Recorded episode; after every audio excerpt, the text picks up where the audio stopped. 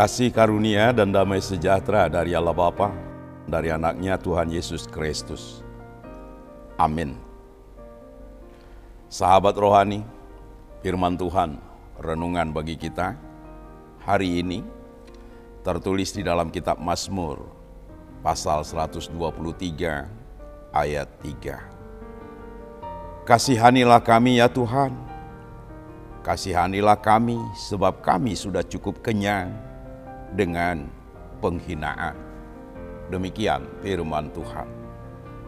Hinaan dilepaskan oleh seseorang atau orang tertentu kepada orang lain adalah untuk menjatuhkan orang yang dihina atau untuk menjatuhkan orang yang dihinanya. Melalui hinaan yang dialami seseorang, bisa saja orang tersebut tidak kuat untuk menerima hinaan tersebut. Bahkan bisa menimbulkan sakit, menimbulkan stres karena menghadapi hinaan.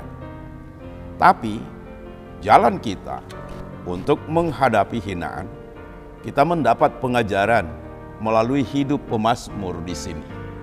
Bahwa hinaan demi hinaan dihadapinya dari pihak orang-orang yang tidak berkenan kepada dirinya.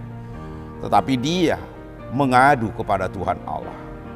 Bukan memendam, bukan mengadukan kepada orang lain.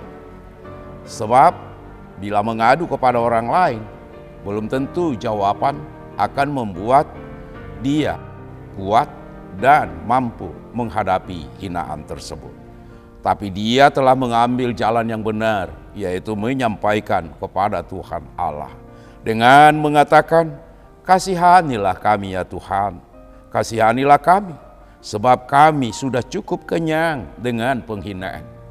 Penghinaan yang dihadapinya adalah untuk mau melenyapkan dirinya, agar musuh-musuhnya bersukaria, agar musuh-musuhnya mendapatkan suatu sukacita dalam hidup mereka. Bila pemazmur di sini dapat mereka taklukkan melalui penghinaan tersebut. Oleh karena itu, sahabat rohani, ketika kita menghadapi hinaan, fitnah dalam kehidupan kita, kita tidaklah harus membalaskan penghinaan orang terhadap kita. Tapi kita bawakan dalam doa kita, kita serukan kepada Tuhan supaya Tuhan memampukan, menguatkan kita menghadapi penghinaan tersebut.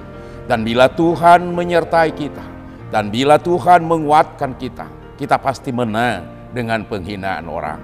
Dan penghinaan orang akan bisa kita hadapi dan kita lalui sehingga kita menjadi pemenang dalam kehidupan kita. Oleh karena itu, marilah kita berseru kepada Tuhan dalam segala apa pun yang kita hadapi di dunia ini, hinaan demi hinaan yang diperbuat oleh orang kepada kita. Amin.